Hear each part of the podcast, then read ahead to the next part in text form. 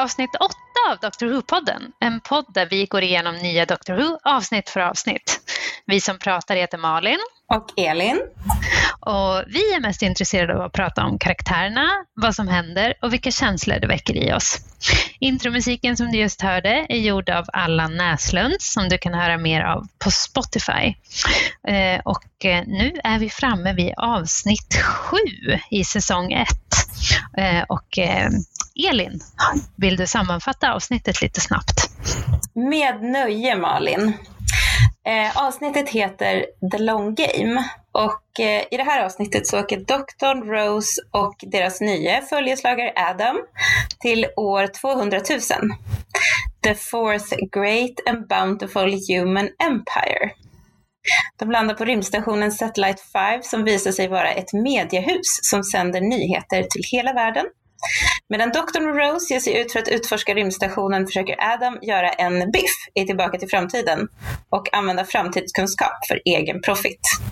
Doktorn och Rose möter journalisterna Suki och Kathika och får höra att alla längtar efter att bli befordrade till det mystiska Floor 500 där väggarna är gjorda av guld. Men doktorn förstår att något är fel han menar att mänskligheten ligger 90 år efter i sin utveckling. Efter att ha sett Kathika ta emot nyheter genom ett hål i pannan beslutar sig doktorn för att undersöka den mystiska våning 500. Där möts de inte av guld utan av en frusen våning full av lik som styrs av den kallhamrade redaktören. Det visar sig att nyheterna kontrolleras av ett stort monster som vill förslava mänskligheten. Hur ska doktorn och Rose ta sig ur den här knipan? Oj, vilken rafflande sammanfattning. Jag blir helt... Eh, vill se detta avsnitt direkt känner jag, trots att jag nyss har sett det. Mm. Ja, um, ja, men det var flera saker där. Kände du igen eh, Biff-referensen?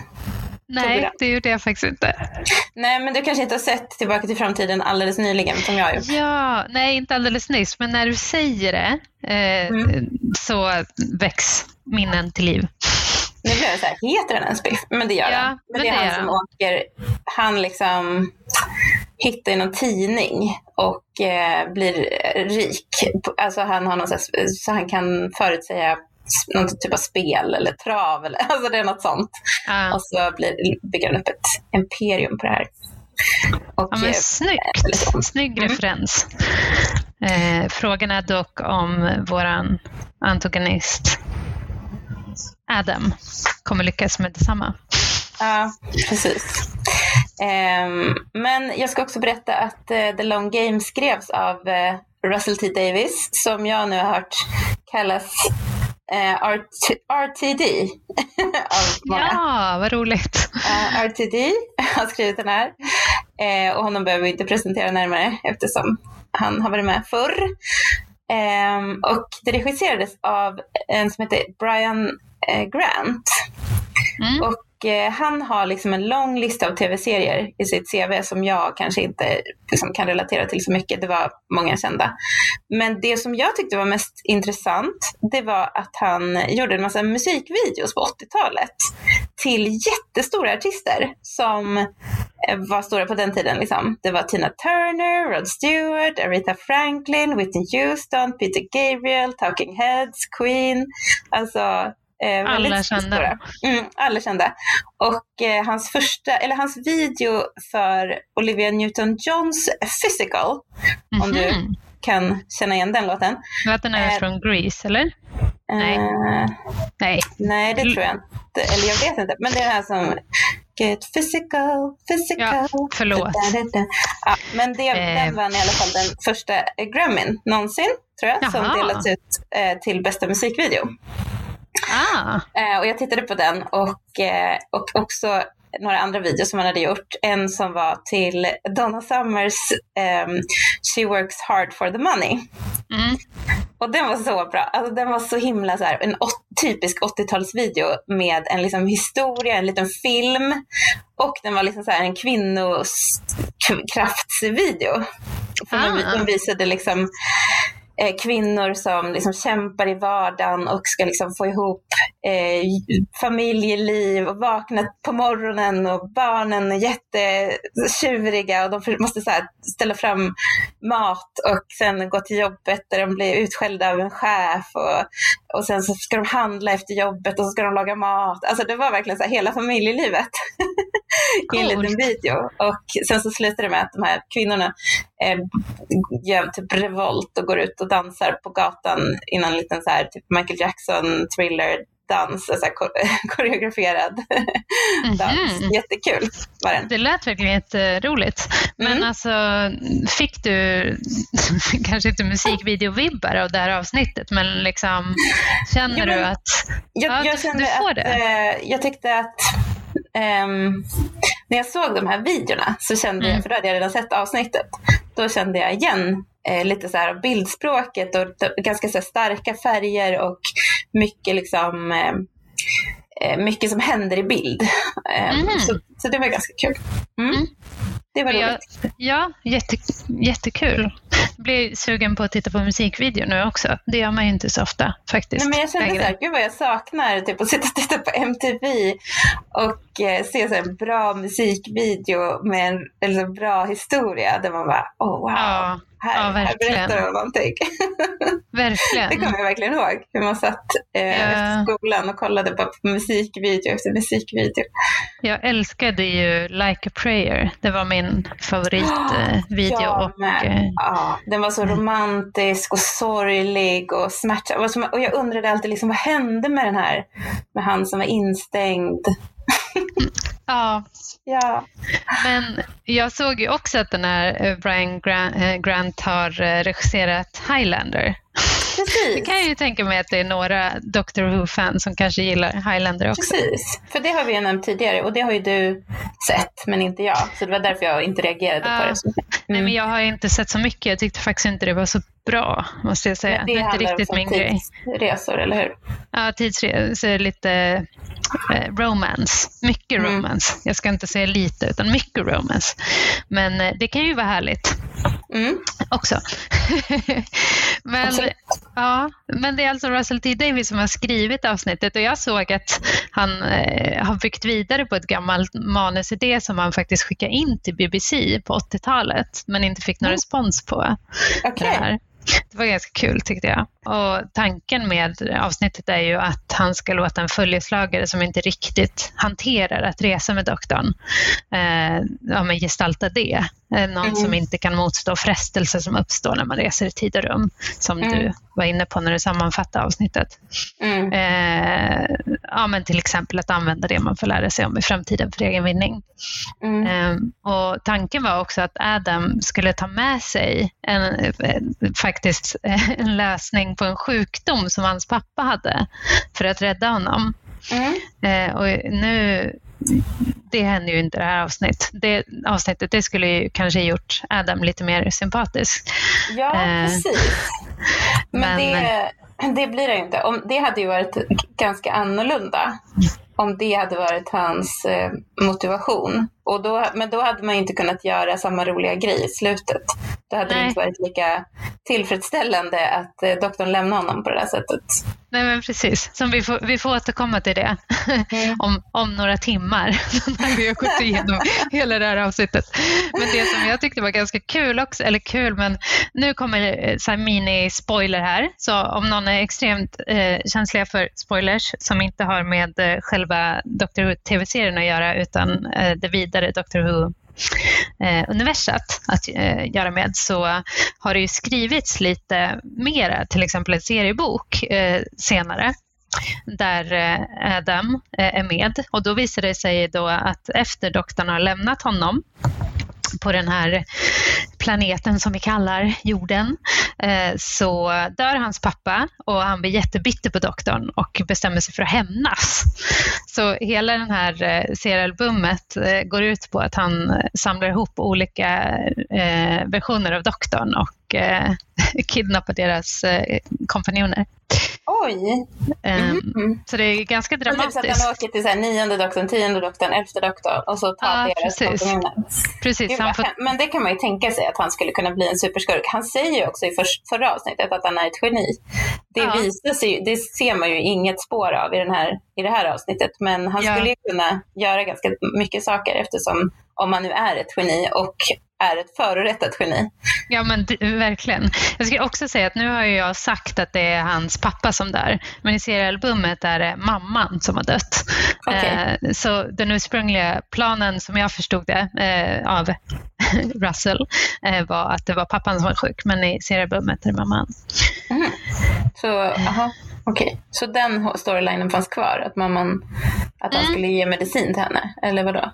Att det Ja, men, eller det är därför han eh, blir så bitter, för att han inte lyckas med det. Ah, ja, okej. Ja, Ja. Mm. Men det är ju kul, eller det är liksom Mm. intressant ändå med, med honom. Att han Mm. visar sig vara en ganska så här, men heller inte så här ond karaktär. Utan han är bara, han har dålig karaktär. Han är en karaktär med dålig karaktär. Ja, men precis. Nu så får man ju som sagt inte sådana känslor för honom.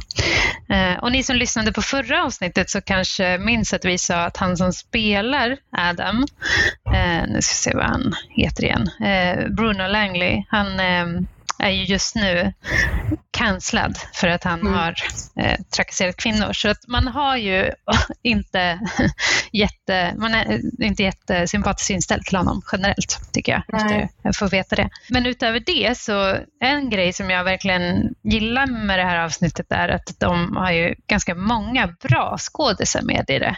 Mm, alltså biroller. Mm. Ja, Men det är ett jättebra birollsavsnitt. Alltså det är flera väldigt starka och minnesvärda karaktärer som, som Ja. dyker upp. Och jag... jag ja, men det, är liksom, det känns som en...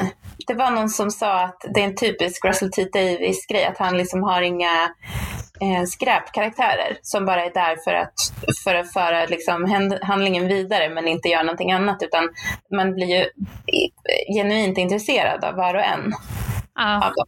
Även om de bara har en liten roll. Ja, ja, men det stämmer verkligen i det här. Men vilka karaktärer eh, tyckte du var eh, minnesvärda eller särskilt bra som du gillade? Eller skådisar helt enkelt, menar Men jag. jag skulle säga alla egentligen. Mm. Ehm, det är ju, vi har Suki, vi har Kathika. De är ju jättebra. Mm, Ehm, vi kan ju komma till det när vi, när vi hoppar Mm. in i avsnittet. mm, Och sen så har vi självklart The Editor som är en, jätte, en jättebra karaktär. mm. Eh, men även hon som bara kallas The Nurse Ja, eh, som opererar Adam gillar man ju. Alltså gör ju Mm. väldigt stark, eh, ett starkt intryck. Mm. och hon, är, hon heter Tamsin Greig. Mm. Helt, väldigt fint namn tycker jag. Så jag vill gärna Mm. säga det. Tamsin Greig som spelar sjuksköterskan som opererar Adam. Sjukt bra Mm. insats. Mm, Hon är en ganska känd brittisk skådespelare. Eh, Mm. Kanske inte så känd för oss i Sverige, men jag tror jag har sett henne i BBCs dramatisering av eh, Jane Austens Emma, Mm. bland annat. Emma är ju en Mm. stark favorit hos mig, som jag har sett väldigt, väldigt många olika varianter av. Mm. Eh, men jag tyckte också jättebra. Men eh, Simon Pegg, han som spelar, the, som du sa, redaktören, the editor, han är ju kanske den som är mest känd eh, Mm. i det här. Han är ju, vi, jag vet inte, vad har du för relation till honom? Har du sett? Alltså, nej, jag har inte sett Shaun of the Dead som jag förstår att han är mest känd för. Ja. Jag känner ju igen honom, så jag känner att jag sett honom men jag har ingen relation till honom direkt. Nej, det är nog egentligen lite detsamma för mig, men jag, jag har dock sett eh, Shaun of the Dead och tyckte väl den var ganska kul. Mm. Eh, Men jag såg också att han räknas som en supernörd eftersom han lyckas med bedriften att spela eh, roller i Doctor Who, Star Trek och Star Wars. Jaha, en i Star Wars också?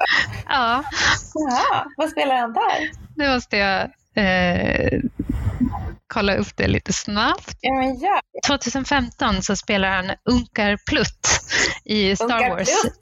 The Force Awakens.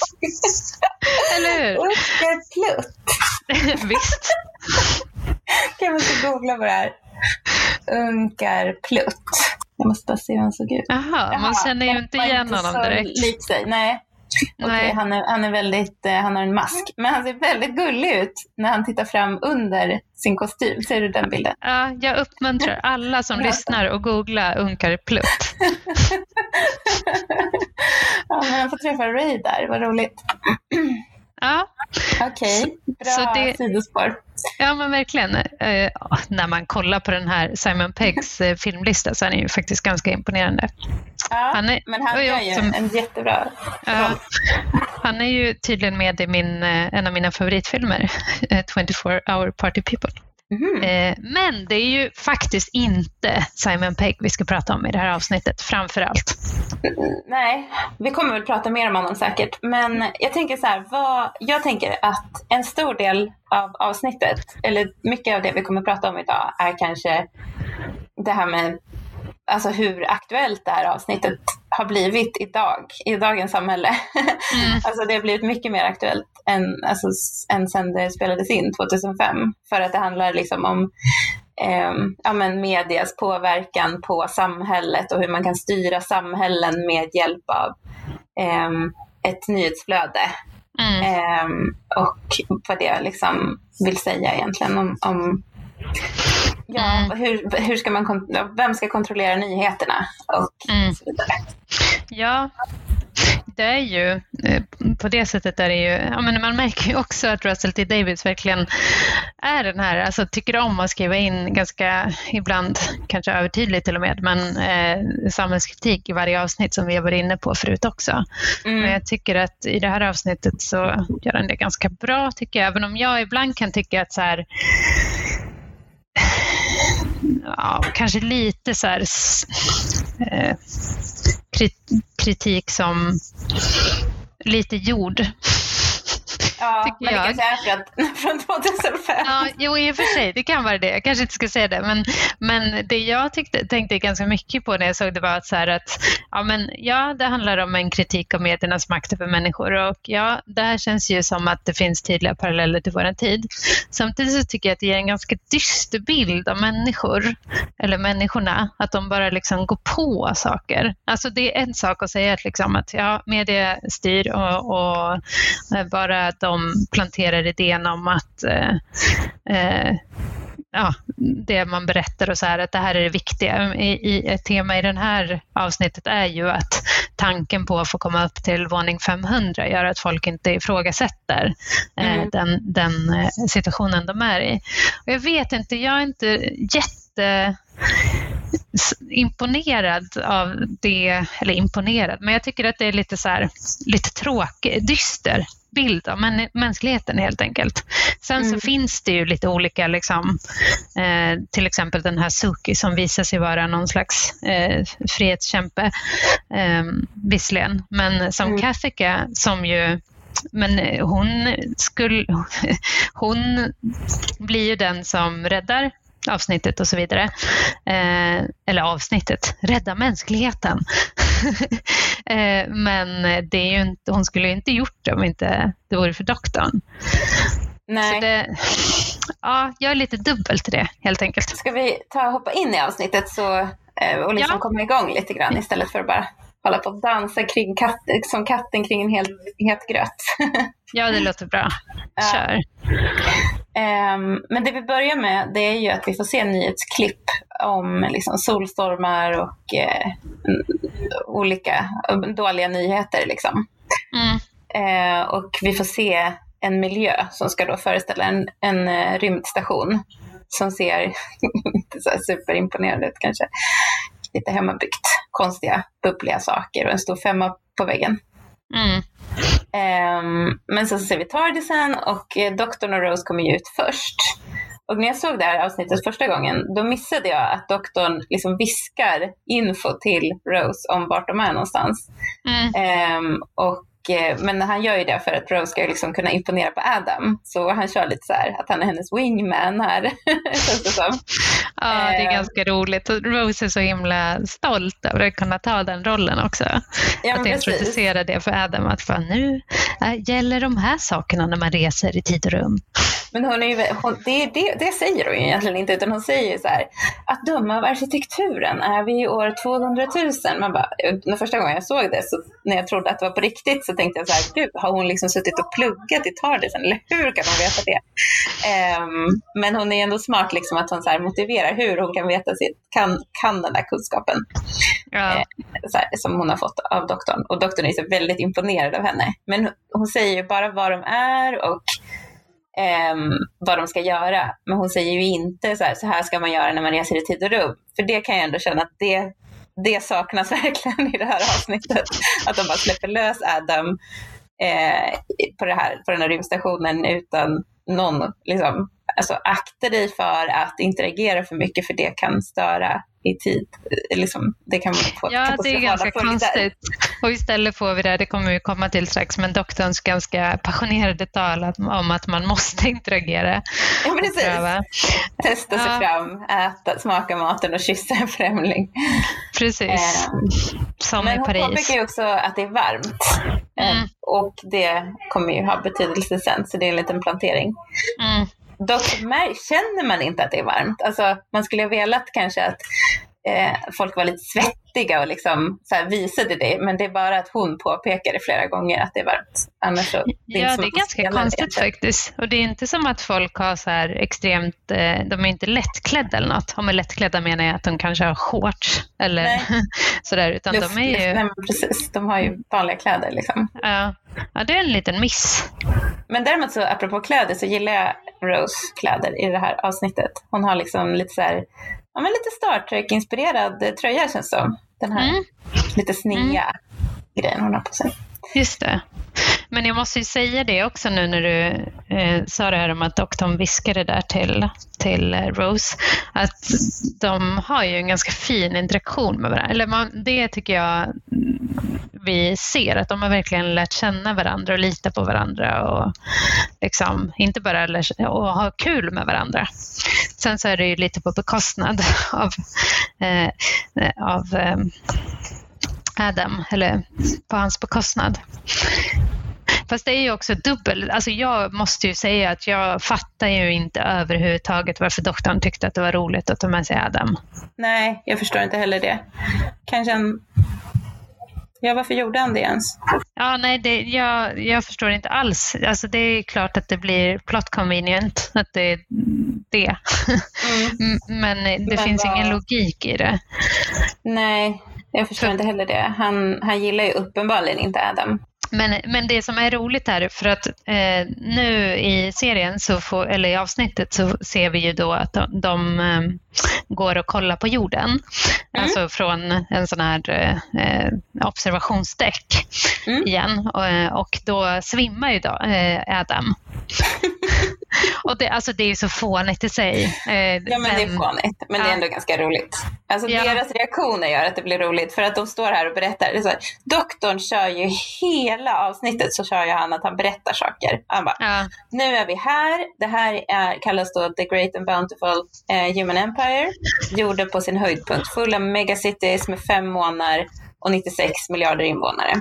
Mm. Och så svimmar Adam. Eh, och han fortsätter ju att säga, berätta saker. Men det är roligt för att ingen, de kastar inte ens en blick emot honom utan de bara fortsätter stilla rakt fram. Och så shamear ju doktorn eh, Rose bara, han är din pojkvän. Hon bara, not anymore. det är ändå ganska kul. Ja, men det är ju den där grejen att liksom, eh, vad hade de förväntat sig av honom? Eller är det bara att man ska tro på grejen att eh, Rose gärna vill, hon tycker han är snygg mm. och vill ha med sig någon snygg kille eh, på den här resan och doktorn tycker att eh, hon kan få ha det. Är det det? Men jag blir liksom så här, ska det inte vara lite speciellt att få följa med Tardisen?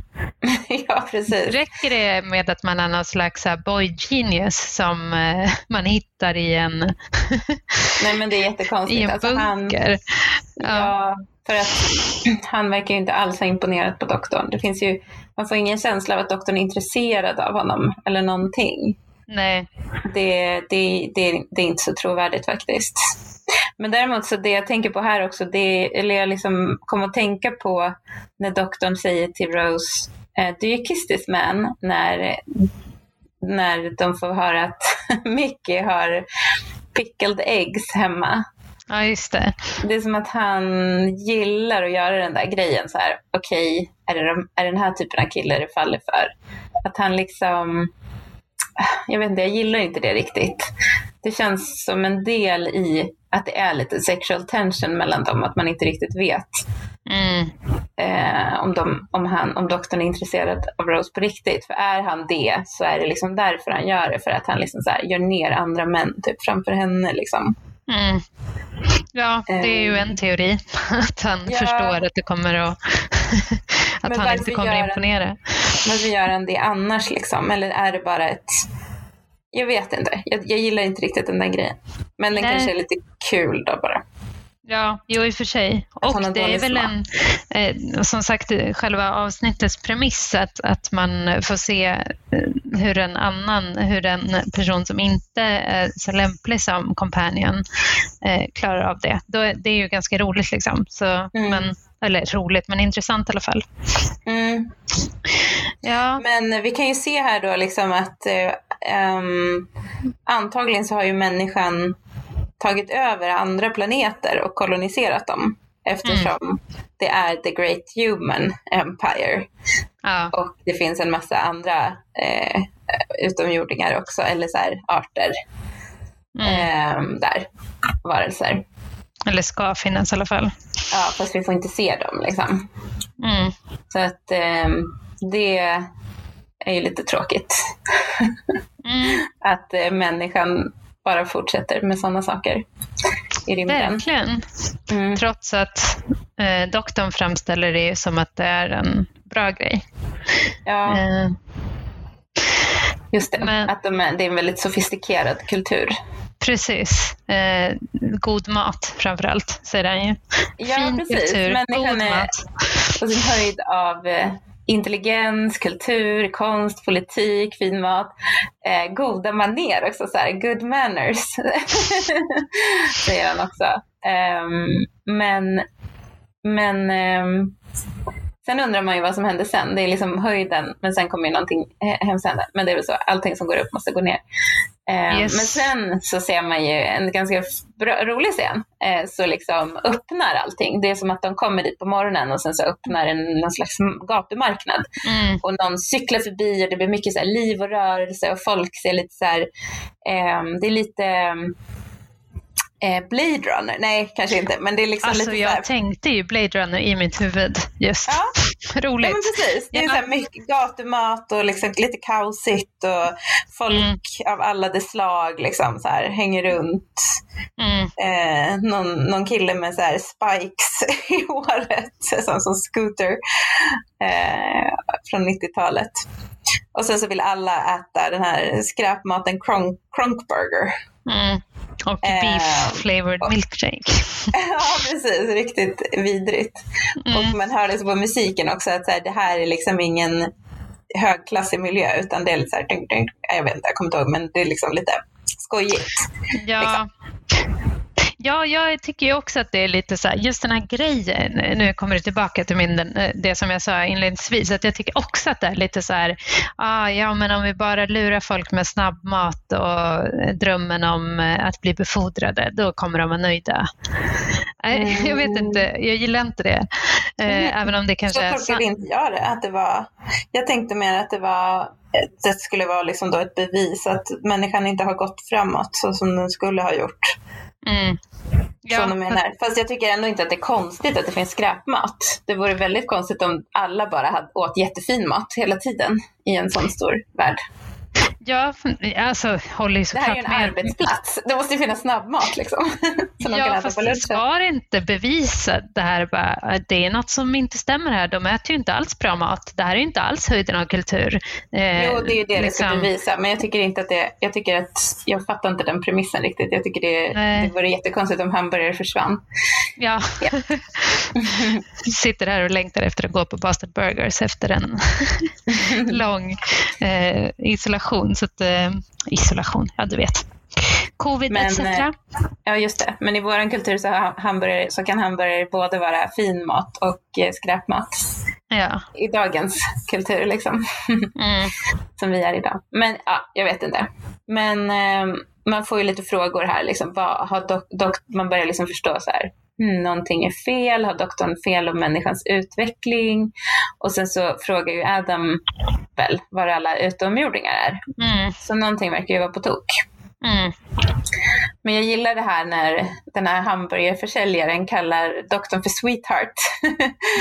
Ja. Han säger att de måste betala för sig. Mm. Och eh, doktorn hackar då en bankomat mm. och får, eh, tar ut obegränsat med krediter. Men är, ja. inte det här, är det här verkligen okej? Okay? Mycket tveksamt. I och för sig så... Vem stjäl han ifrån? Han stjäl av eh, en eh, bankimperium kanske. Ja. Så det ser jag kanske inte så mycket. Nej. Men eh, jag tycker ju att det är, eh, det är inte så sympatiskt. Stjäl pengar från bankomatet, det går bra tycker jag. Ta från några rika, det är okej. Bara du inte tar från några stackars människor som blir sina pengar inte. Ja men precis. Men bankomater, de, de, de ja. Um, men det, för han, och syftet med att han gör det här är ju att, han ska, att eh, han, doktorn ska låta Rose och Adam ha en stund på tu man hand så att han kan utforska. Mm. Han vill ju eh, gärna bli av med Adam också, känns det ja, som. Precis. Det är ganska roligt också för att, eh, som Adam säger, för att eh, doktorn tycker ju att de ska vara hungriga, men Adam är inte så hungrig, säger han. Och så säger han typ att han bara, jag är bara timesick. Ja. det var ganska kul tycker jag att han har hittat på den här. Det är ja. så, jag kände, tyckte att det kändes rimligt. Ja, det tycker jag också i och för sig. Att man blir timesick om man reser i mm. tiden. Det låter mm. jättejobbigt. Jag skulle mm. säkert må jätteilla av det. Ja, du skulle inte vilja ha en beef flavored milkshake? Nej, uppfriska mig med. Nej, verkligen inte. Men eh, då stoppar ju doktorn, när han liksom är på egen hand och ska utforska där, så stoppar han två kvinnor som går förbi och pratar. Mm. Ehm, och det är ju då Suki som mm. spelas av Anna Maxwell Martin och Katika som spelas av Christine Adams. Och hon eh, som spelar Suki då, Anna Maxwell Martin, hon, eh, henne kände jag igen i alla fall. Jag tror jag kände igen henne mest från eh, Bletchley Circle. Mm. Nej, jag har inte sett det faktiskt. Eh, under andra världskriget eh, kodar, alltså programmerar. Mm. Mm. Ja, just det. Mm. Men hon har ju varit med jättemycket olika. Hon har tydligen spelat också eh, Historic Materials på, eh, på teater. Ah, coolt. Mm. Väldigt coolt. För jag, jag är ett stort fan av Historic Materials. Ja, jag med. Eh, eller i alla fall, jag har inte läst boken, men jag ska göra det. Det måste du göra. Men jag har ju är... sett eh, serien. Ja, väldigt bra. Mm. Jag ser ju nu att hon också spelar i Good Omens. Ja, precis. Som har jag också tyckte, Good Omens? Ja, jag tyckte den var ganska bra faktiskt. Kanske gillar ganska jag boken. Bra. Ja, jag gillar nog boken mera. Men jag tyckte att det var en bra serie. Jag är ju, om jag är ett stort fan av Historic Material så är jag ett super, super stort fan av eh, David Game Gaiman som har skrivit Good Omens. Mm. Eh, och i Good Omens så spelar jag också David Tennant. Ja, alltså den verkar jättebra. Jag har bara sett trailern för den. Den, är väl inte, den finns på Amazon. Precis. Mm. Jag eh, skaffade Amazon bara för att se Good Omens faktiskt. Mm. Eh, och det var jag nöjd av med. Men nu mm. har jag inte Amazon Prime längre. Nej. Men eh, bra. Ja, ja så men, hon är därifrån ja. Det ja, kommer jag men, ihåg nu när, när, det, när du säger det. Jag undrar om inte det stod att hon var, hade varit med i den där himla Shaun of the Dead också. Som alla tydligen. Som It's all connected. Ja, jag, inte hundra. Men eh, hon känns i alla fall som en person som har varit med väldigt mycket. Mm. Eh, och även Kristin Adams, henne kommer jag nu inte ihåg vad hon hade varit med i, men hon har ju också ett väldigt minnesvärt ansikte. Båda är ju jättebra, tycker jag. Ja. Eh, hon har spelat i eh, CSI Miami bland annat. Ja, det. var därför jag inte kommer ihåg något. Precis, men, och The eh, Mentalist, alla sådana dåliga tv-deckare, amerikanska. Hon har tydligen dubbelt medborgarskap, så hon bor i USA nu, men hon är också britt. okay. Men i alla fall, eh, de tolkar ju honom då som att han är ett test, att han är från eh, the management. Mm. Så då säger ju Katika att eh, om det tar mig till våning 500 så gör jag vad som helst. Och mm. då får han höra då liksom vad är våning 500, vad är det för någonting? Och eh, då, det enda hon vet om det är att väggarna är gjorda av guld. Eller det enda hon tror sig veta då, är att mm. väggarna är gjorda av guld. Och det eh, tycker inte doktorn låter så troligt, verkar det som. Eller han blir lite eh, skeptisk. Yes, med all rätta. Ja, precis. Och jag tänker liksom att det är väldigt lätt att göra sådär, att skapa en fantasi utifrån någonting som, om man liksom får det att verka exklusivt så vill folk ha det på något sätt. Som en, ja. ett VIP-rum på en klubb. Jag menar, hur kul är det där inne? Förmodligen inte så kul, men all, eftersom det är svårt att komma in så vill alla komma in. Ja. Eller typ så här Clubhouse som lanserades eller det lanserades för ett tag sedan, men det blev ju typ stort ganska nyligen i Sverige. Och mm. de körde ju den här grejen att eh, liksom man ska behöva få inbjudningar för att få vara med. Och då mm. så vill ju folk det. Då verkar det jätteattraktivt liksom. Mm. Um, men det är väl så. Jag tänkte också på det här liksom, drömmen om Amerika på liksom, 1800-1900-talet i Sverige. Mm. Där man eh, också hade fantasier om vad som skulle hända där. Då var det ju berättelser om att väg, eller gatorna var gjorda av guld. För det var ah. så lätt att fantisera om, om, om det där landet. Och alla skulle kunna bli rika och man skulle kunna tälja eh, guld med täljkniv mm. och så. Mm. Och sen blev guldet till sand. Sen blev guldet till sand. Precis som det. det är hemskt när det liksom, den här platsen är en fälla. Jag menar, ja. USA eller Amerika var ju inte så kul att komma till. Och för många blev det ju inte så bra. Men eh, här är det ju ännu värre egentligen. Det är en dödsfälla. Ja. Liksom. Alltså, jag gillar ju verkligen att vi får referenser till eh, Utvandrarna. Känns mycket litterärt. Ja. Bra jobbat Elin. Men eh, nu får vi ju också efter att de har, eller Kathika då eh, visar hur, hur mycket hon vill ta sig till våning 500 så får vi ju faktiskt se vad som faktiskt händer där också genom att starta, eh, se, eh, träffa Simon Pegg eller The Editor som han spelar här. Mm. Just det. Um, jag tänkte bara säga, hon berättar ju, Katika berättar ju om deras nyhetssändningar. Hon liksom presenterar vad de, vad de visar för någonting. Och det mm. jag tänkte på där att det var ju, det är väldigt mycket så här direktsändningskänsla. Det är inte mm. liksom några analyser eller folk som sitter i en studio och pratar utan det är väldigt så här, här är direkt från Mars, här är direkt från bla bla bla, här har vi en katastrof här. Um, det är liksom massa sånt. Och sen så är det lite så skvaller-tv också eh, på eh, The Bad Wolf Channel. Eh, så mm. är det att The Face of Bo har blivit gravid. det är ganska roligt. Det är ganska The Face of Bo har vi ju sett tidigare i avsnitt två, The End of the World. Han var i ett stort akvarium, det här stora ansiktet i ett akvarium. Så ja. hur, hur, ja, hur har han blivit gravid? Men det är väl liksom, det är år 200 000 så det är väl bara att eh, han har väl en liten burk bredvid kanske med ett litet... Ja, vad hade han gjort av barnet? Mm. Där. Mm. Där? Mm.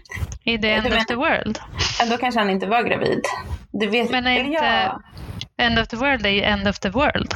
Just det, då har han ju redan, men då har väl barnet vuxit upp och, och flyttat hemifrån och fått ett eget ja fått ett eget akvarium. The Face of Bo har hunnit bygga ett eget litet imperium av, för, av släktingar. Kanske. Ja, precis. Ja, men det var en liten rolig detalj i alla fall, tycker jag ja, också. det var lite så skojigt. Eh, mm. Det stod också någonstans att den hette något. Bo, Bolin, nej vad hette den? Just det. Ja, något sånt. Ja, jag kommer inte ihåg. Men eh, då säger doktorn så här, ni sänder nyheterna. Och då säger hon, nej vi är nyheterna. Vi skriver, paketerar och säljer dem, säger hon. Och Mm. det är ju så här, ja, en key, ett keyord, ett nyckelord liksom. Vi säljer nyheterna. Det är Ja. det viktiga liksom här, att vi säljer. Mm. Alltså det är en produkt. Liksom. Det är inte, eh, även om det ser ut som att det är, nu är det, det här direkt, så det här är inte ens filtrerat. Så Mm. är allting liksom väldigt vinklat och paketerat. Mm. Men sen så kommer vi då upp till det här eh, kalla rummet med den här mannen då med vitt hår och vita ögonbryn och väldigt isblå ögon gör entré. Och han Mm. känner att någonting är fel Precis. säger att det är something fictional. Varför säger han så tror du? Det är någonting som är påhittat. Så allting ska vara fakta i hans värld. Mm, det är ju konstigt. Eh, att det känns som det är tvärtom.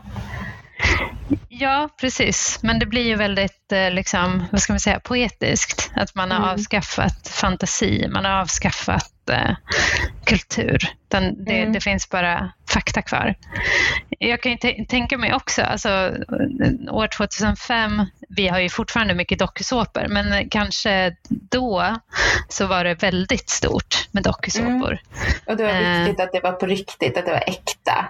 Exakt. Mm. Eh, äkta innan, innan situationstecken såklart. Mm. Mm. Vilket ju, så jag tänker ju också att det här, det, det, det kanske kan eh, vara en kommentar till det.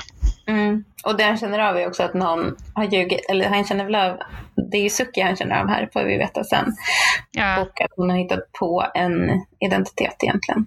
Ja, Eh, Men jag tycker han gör en sån himla bra skurk och ganska typisk eh, Doctor Who-skurk också som är liksom samvetslös men också har roligt medan han gör onda, onda saker. ja men precis. Eh, och han liksom han representerar alla banker i riket så det är ju, även här får ju kapitalismen sig en känga. Ja, ja, men väldigt bra. Och, ja, men just den här, man ser ju hur, ja, men precis som du sa nyss, ja, men det är liksom, han har ju så himla roligt Mm. eh, när han spelar som en peg, men också den här eh, redaktören. Liksom. Sen kan ju jag för min värld inte riktigt förstå vad som är liksom, hans vinning av det här. Han, liksom, han får stå i något så här jättekallt rum och alltså, Prata med, med döda människor. Ja men precis, så vanligtvis så kan man ju tycka att, tänka att sådana här eh, super, super villains får någonting utav det. Kanske att de får äta extra god mat eller ja, Kanske guldväggar får eller det. någonting. Kanske, man får, kanske han får men det vi får Kanske se har är ett ju, rum med guldväggar som inte vi får se. det måste vara så. För någonting mer än att bara få stå där och prata med zombies måste Ja. det vara. Men han kanske är berusad av makt. Ja, Men precis, en sån, en sån liksom så här högsta vdn på ett företag eller vad det nu är, liksom, Mm. ha- borde ju vara, borde, ska ju liksom ha ett, en, en, ett väldigt snyggt kontor och ha allting. Allting ska vara väldigt lyxigt runt ja. Han har Så ju en snygg kostym i alla fall. Det får han ha. Ja, ja, precis. Men det är ganska roligt för att det här är ju jätteknäppt, men just nu så håller jag på och läser Jordan B. Petersons 12 Rules of Life. Kan Eh, du förklara det här? Varför Ja, läste du kort? Ja, nej, men det Bokcirkel. är bara, det, jag har en bokcirkel och det var Mm. någon som föreslog att vi skulle, en feministisk bokcirkel och det var Ja. någon som föreslog att vi skulle läsa den bara för att veta vad, vad det står. Och då tänkte jag så här, jag har två söner, jag borde, eftersom jag vet att det är många unga killar idag som följare av honom och liksom bara vet, så man vet vad det står så man kan bemöta det om det skulle bli aktuellt i framtiden. Nu är de Mm. så små så att de är verkligen inga Know your Så, enemy, sådana. helt enkelt. Ja men precis, lite grann. Men i Mm. den boken då, så det är väldigt mycket bibelreferenser hela tiden. Så säger han att ehm, den personen som redigerade den första bibeln, första versionen av bibeln eller någonting, kallas i, av alla bibelforskare för the editor. Jaha, Mm. intressant. Spännande va? Ja, Och jag tänker på så här, Russell T Davis har ju redan visat att han inte är så förtjust i religion. Till exempel i avsnitt två, där eh, religion då är förbjudet på den här plattformen som de är där. just Eller vad det. nu heter. Den heter inte plattform, den heter något annat. Jo, den heter Platform 5 och den här heter Satellite 5. Eller hur? Ja, just Ja, det. så himla likt. Mm. Um, så jag bara tänkte, jag bara drog, kopplade ihop det där. Alltså kan det finnas någon koppling? Jag vet inte hur känt det här är, att den personen kallas för ett editor. Men eh, det är ju också ett sätt att manipulera människor. Att, mm. Alltså verkligen har ju varit att skriva bibel att, att, skriva, ja, att skriva en, en, en helig bok som alla ska följa. Ja. Då har man ju verkligen Snygg parallell. Mm. Men alltså, du säger, sa ju också nu det här med att de är ganska lika avsnitten på ett sätt. Eh, mm. Avsnitt två, The End of the World och det här eh, avsnittet. Och det kan man väl också, det är väl intentionellt på det sättet också att det ska vara, då var det Rose eh, introduktion till, till att resa framåt i tiden och det här är Adams introduktion till att resa framåt i tiden. Mm. Så det, det blir liksom, de är ju varandras ehm, eh, ekvivalenter eller vad man ska säga. De här avsnitten mm. de talar till varandra. Mm. Ja, verkligen. Och man kan verkligen, och då kan man ju väldigt lätt jämföra hur de reagerar i, i de olika situationer. Precis. Um, men den här eh, redaktören ser ju då, eh, man ser, får se att han ser doktorn och de här nya vännerna eh, på en skärm. Och ja. säger åt då en person som sitter där och är helt frostig och är en, typ en zombie att göra en eh, bakgrundscheck. Mm. Så man funderar ju hur han känner att något är fel, men det verkar som, uh, han säger att det är en liten förändring i informationen. Och det känns som att han har, han har väl också något chip som gör att han känner av allt som händer på hela ja, precis. Uh, den här station, rymdstationen. Mm. Um, men sen så får vi se Rose och Adam på deras lilla utflykt och mm. det är då de dricker en slush med köttsmak. Mm. och eh, liksom Adam tycker det är helt vidrigt och Rose är lite så här, tycker att det är lite kul. Alltså ja. hon, hon, tar det, man ser att hon tar det på ett helt annat sätt. Men eh, han, hon, hon, förstår, hon tycker liksom synd om honom och ger honom hans telefon så han kan ringa hem. För hon har ju ändå varit i den situationen att hon vet hur det känns att vara ja. på sin första resa. Och där är ju också för det som hände när hon kände sig obekväm och liksom fick de här insikterna. Bara, va, här är jag långt, långt, långt framme i framtiden och alla jag känner är döda och så vidare som hon gick mm. igenom i avsnitt två. Eh, hon, och då fixar ju doktorn det genom att ge henne eh, en telefon som kan ringa till sin mamma. Mm. Så hon vill ju liksom ge tillbaka till Adam vad doktorn har gjort för för men det här är lite konstigt. Alltså, det här tänker jag på nu. Men det är som att den där telefonen egentligen utgår från Rose tidslinje. Mm. För vad ska den annars utgå från? Det måste ju vara det den utgår ifrån. Ja. Så att den kan ringa till personer i hennes tidslinje. Men eh, Adam kommer ju från en annan tidslinje. Han kommer från 2012. Just det. Så, varf- så då borde ju då, nej men gud vad konstigt. Ja, det är bäst att inte tänka på det. Den kanske anpassar sig till personen som håller i den. Så, så är det såklart. eh, yes. Bara man har rätt telefonnummer så, så löser det sig. ja. eh, men sen så går det ju någon signal som verkar betyda att rasten är slut så att alla måste gå och jobba igen. Mm. Eh, det är lite som en så här jag vet inte, färja eller en eh, oljeplattform eller någonting där alla, alla lever och bor och jobbar på samma ställe. Mm. Och på samma Just, våning dessutom också. Ja, just det. De får inte ens lämna den. Mm. Um, och nu får de ju då uppleva hur nyheterna samlas in. Uh, och jag älskar hur hon, alltså Kattigat, hon är så kissassig, ja. om man får använda det uttrycket. Alltså att hon är så hela tiden bara, och kolla på mig, ja mm. jag rätt, ska, ska jag göra det eh, enligt protokollet? Eh, eller ska jag ja, att hon är väldigt så liksom så här, jag gillar det. Eh, mm. Hon är inte så sympatisk men hon spelar väldigt bra.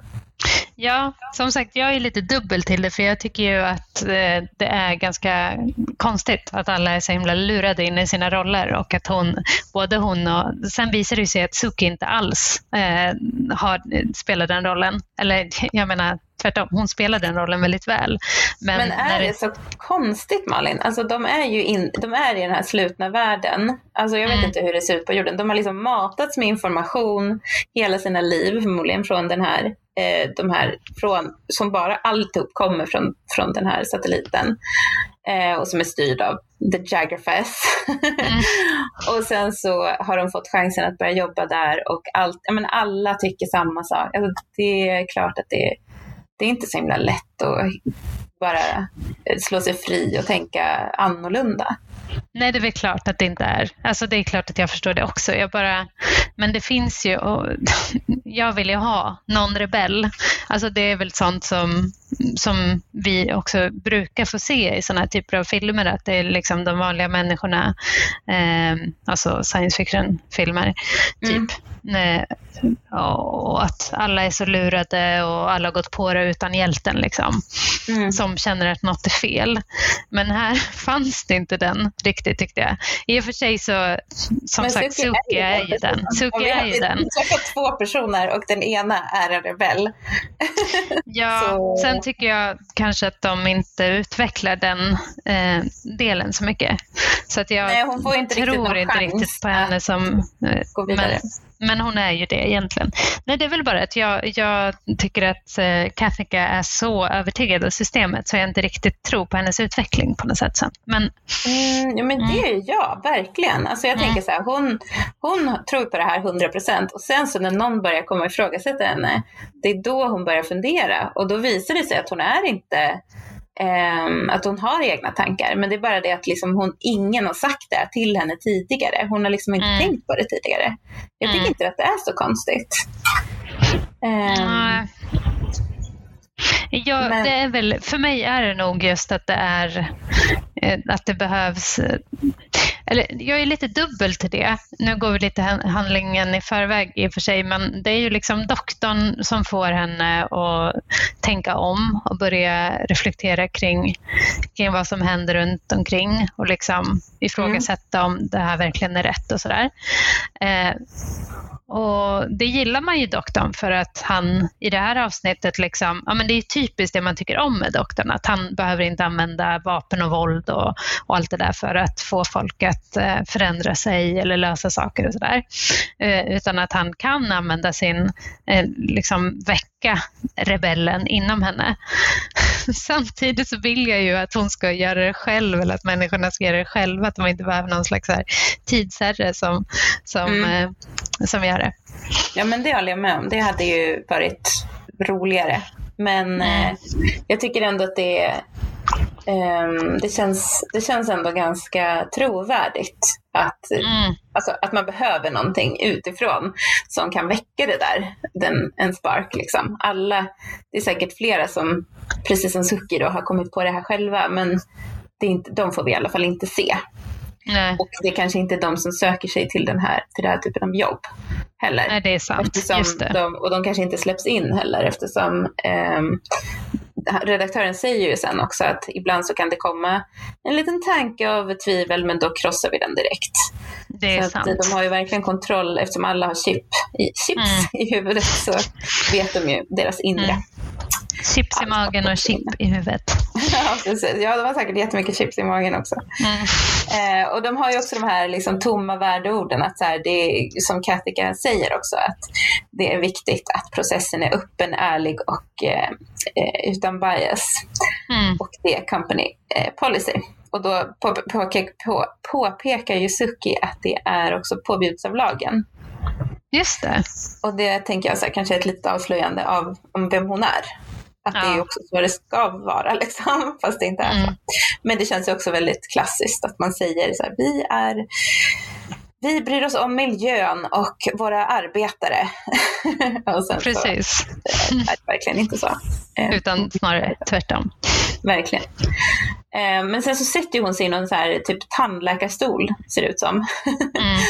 och eh, knäpper med fingrarna och vi får se den här fantastiska specialeffekten när ett hål öppnas i hennes panna så man får se en del av hennes hjärna. Ja, det måste ju vara så, så känsligt för infektioner. Ja, verkligen. Och så är det så här, några små metallgrejer runt omkring också. Ja. Um, nej men det, är så det här kommer jag faktiskt ihåg från när jag såg det första gången. Um, men, och doktorn fortsätter ju nu vara så här, berättarrösten, typ så här, det som händer nu är att bla bla bla. Eh, Mm. Så man behöver inte fundera så här, att all information eh, från alla städer i hela världen går rakt in i hennes hjärna. Eh, Mm. Men hon kommer att glömma det sen. Ja, och han Ehm. säger väl också typ så här, tekniken är används på fel sätt.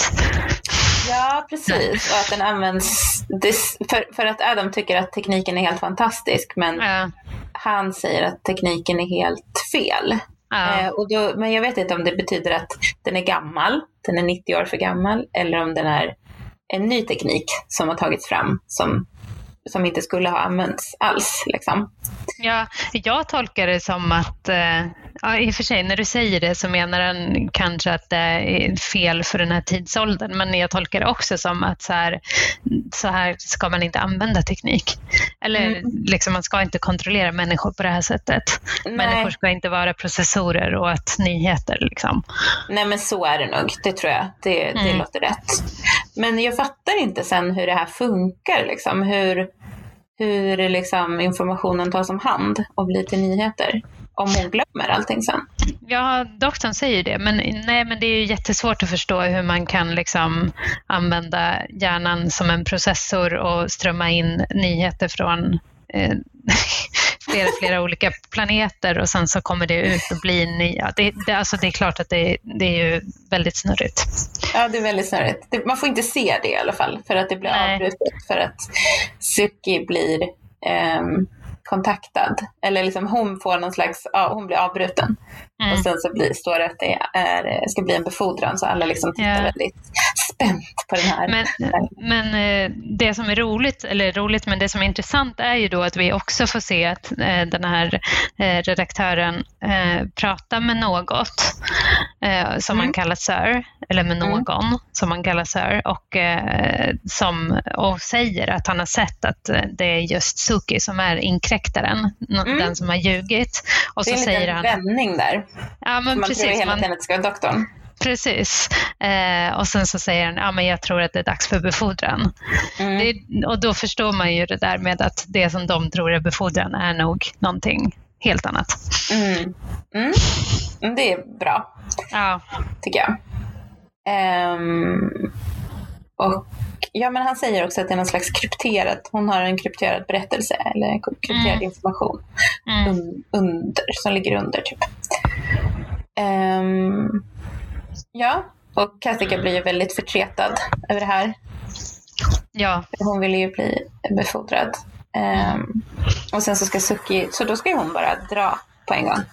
packa ihop allt och dra. Det är ju ett väldigt eh, eh, bekvämt sätt att göra sig av med meningsmotståndare på.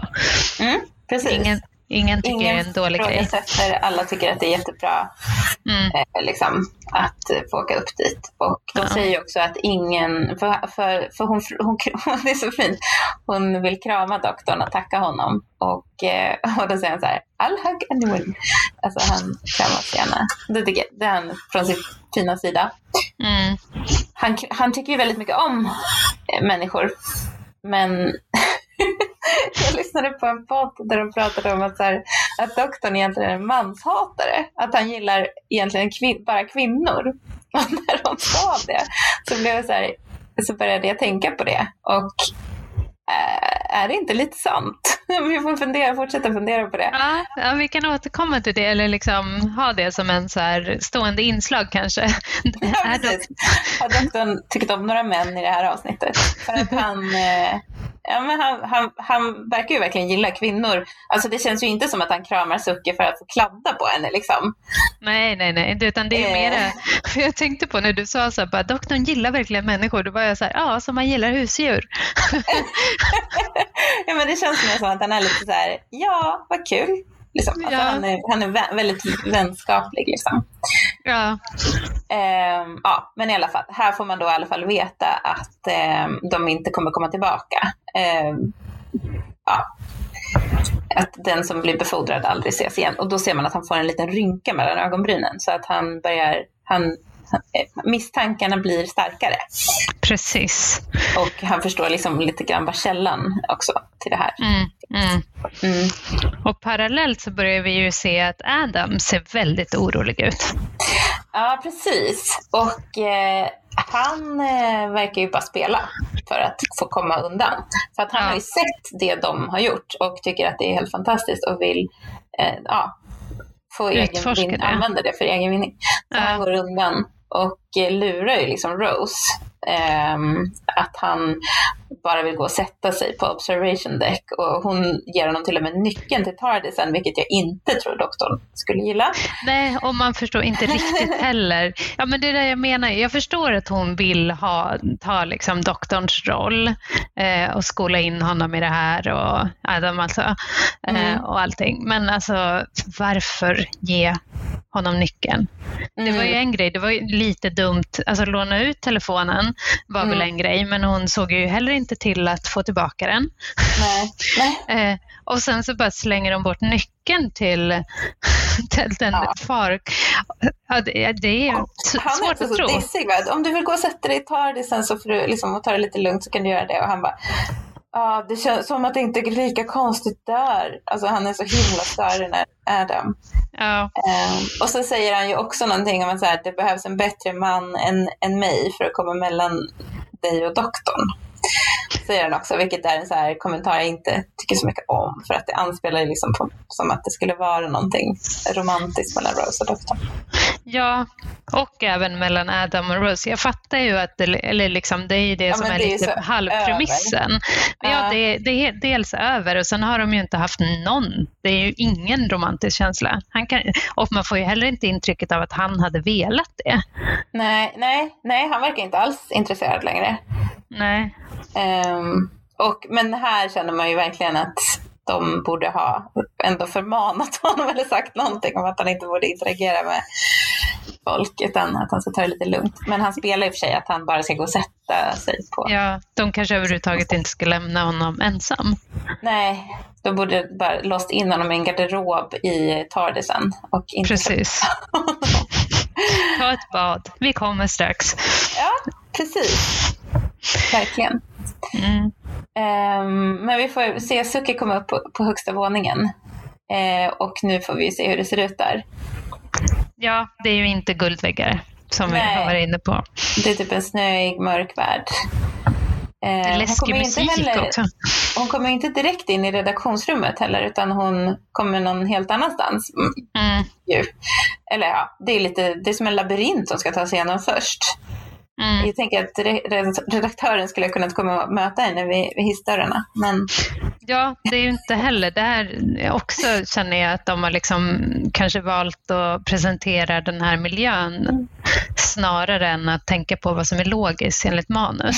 ja. För varför ska hon gå runt och inte ens ja, men, knappt titta fram? Typ. Ja, varför har hon med sig en ficklampa? Det, det är mycket märkligt. Och om hon är nu liksom en rebell som har eh, andra som liksom skulle kunna göra någonting så är det väl inte bra att hon går runt där. Då hade hon ju kunnat, eller jag vet inte, då vill de väl så snabbt som möjligt bara liksom få kontroll över henne, Ja, tänker man. Men eh, han är väldigt säker på sin sak den här redaktören så han låter väl henne gå runt och utforska. Och så är det lite skräck, det blir lite skräckfilm där. Eh, när hon liksom tar sig runt och man ser en, så här, en, gam, en station som den vi såg nyligen i nyhetsrummet men Mm. den är full med skelett. Så liksom, det liksom ramlar fram ett skelett och det är så här jätteläskig musik. mm. Eh, det är nästan lite så här, ja men det är lite jump scare. ja. ja det var läskigt. Ja, jag tyckte också det. Alltså själva skeletten ser ju väldigt B ut men, men just med musiken och, och den läskiga stämningen så funkar det ju. Mm. Och vi, det är väldigt mycket så plast som hänger från taket och det kan jag också säga är väldigt typiskt Doctor Who. De älskar sin plast som hänger från taket. Så effektfullt. Det ser man ofta. Mm.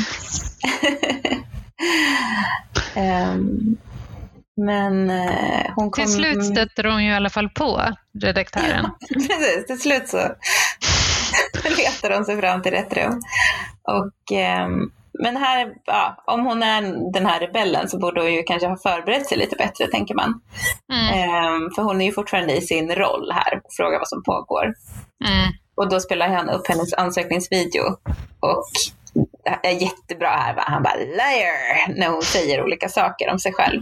Ja. Och så avslöjar han hennes rätta identitet som är Eva Saint Julien. Den sista överlevaren av rebellgruppen Freedom 15 och självutnämnd anarkist. Det gillar man ju. Här har vi henne, rebellen, anarkisten. Ja, tyvärr, tyvärr har hon ju överhuvudtaget ingen plan. Så Nej, att, eh, men hon blir ju väldigt cool. Hon, ja, alltså jag älskar det här snabba skiftet där hon går liksom från att vara den här jätteväna lilla flickan till att bli jättebadass och hotar honom med pistol. ja, och säger också, Frågar honom vem som kontrollerar Satellite 5. Ja precis, och hon bara, vi, vi har bevisat att ni manipulerar fakta, ni ljuger. Och sådär väldigt, ja, cool. Men att man är anarkist, ehm, vad, vill man då, då? Malin, berätta det. Man vill skapa kaos. Nej, jag skojar bara. Man vill ju att eh, det är personerna, alltså medborgarna som ska få vara med och bestämma om hur man ska utforska världen snarare än aktor utforska världen. Vad säger jag nu egentligen? hur, man, hur man ska styra världen och sin omgivning. Eh, Just det, de vill ha direktdemokrati, eller? Direktdemokrati, exakt. Och inte Ja. ha några eh, redaktörer som styr från våning 500. Nej. Det är väl typiskt sånt som anarkister är emot, tänker jag. Ja, verkligen. Men redaktören, oh, han är så jävla bra. Han liksom höjer sina händer men han, man ser att han fortfarande har övertaget. Ja, Han, liksom, han njuter av det här skådespelet. Han ja. tycker bara att det är kul. Men det Ooh. förstår man inte heller. Alltså, det, är så här, det, man, det är ju roligt att se det här. Men Mm. liksom, varför skjuter hon honom inte? Kan, Mm. va, Nej, ja, det förstår jag fattar inte riktigt. Det hade hon ju kunnat göra. Ja, Vad har han för skydd? inget verkar Nej. det som. Nej, det är väldigt konstigt. Ehm, för att sen så säger ju han att han ska föra det här eh, uppåt och sen så tittar de upp i taket. Man får fortfarande inte se vad som finns där uppe i taket. Men då hon, man ser att hon tittar upp och skriker och liksom hon man förstår att hon dör. Ja, hon Ja. försöker skjuta eh, uppåt. Men om vi Eh. nu liksom hoppar fram till att man får se då den här, det här monstret som kallas för Jagrafes. Så Mm. vad ska man tänka, vad gör den med henne? För att, alltså vad, gör, vad händer här? Den ser ju verkligen ut som den ska äta upp henne. Ja, Alltså det den ser har ju en alltså stor ut... läskig mun med stora tänder. Ja, Liksom. Det ser ut som typ en jättestor rocka med skitläskiga tänder och mycket Mm. slem. Mycket slem, det liksom droppar. Det, man Ja. hör ljud av droppar hela tiden. Eh, så det känns ju också så här slimigt. Varför står Ja. den här redaktören under honom? Men eh, precis, kan den liksom, tror ni den kan, kan den komma ner, så här, dra ut sig och bara rup, komma ner? Ja, det måste ju vara något sånt. Men alltså, det är det som jag tycker är lite, som du kanske hör, är lite så här skeptisk till logiken i det här avsnittet. Eller liksom. Mm. Men eh, det, det känns ju som att den måste ha någon slags så mind control-grej eller någonting. För, Mm. för å ena sidan, den sitter där uppe och verkar, inte, verkar behöva den här redaktören som gör allt åt den. Å Mm. andra sidan så verkar den ha jätte- jättemycket makt. Ja, jag förstår Så- inte heller. Har hur kan den ha det? Nej, jättesvårt att förstå. Superkonstigt. den Och ser läskig ut.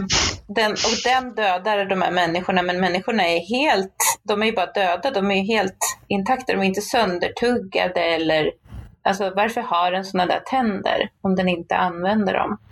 Nej.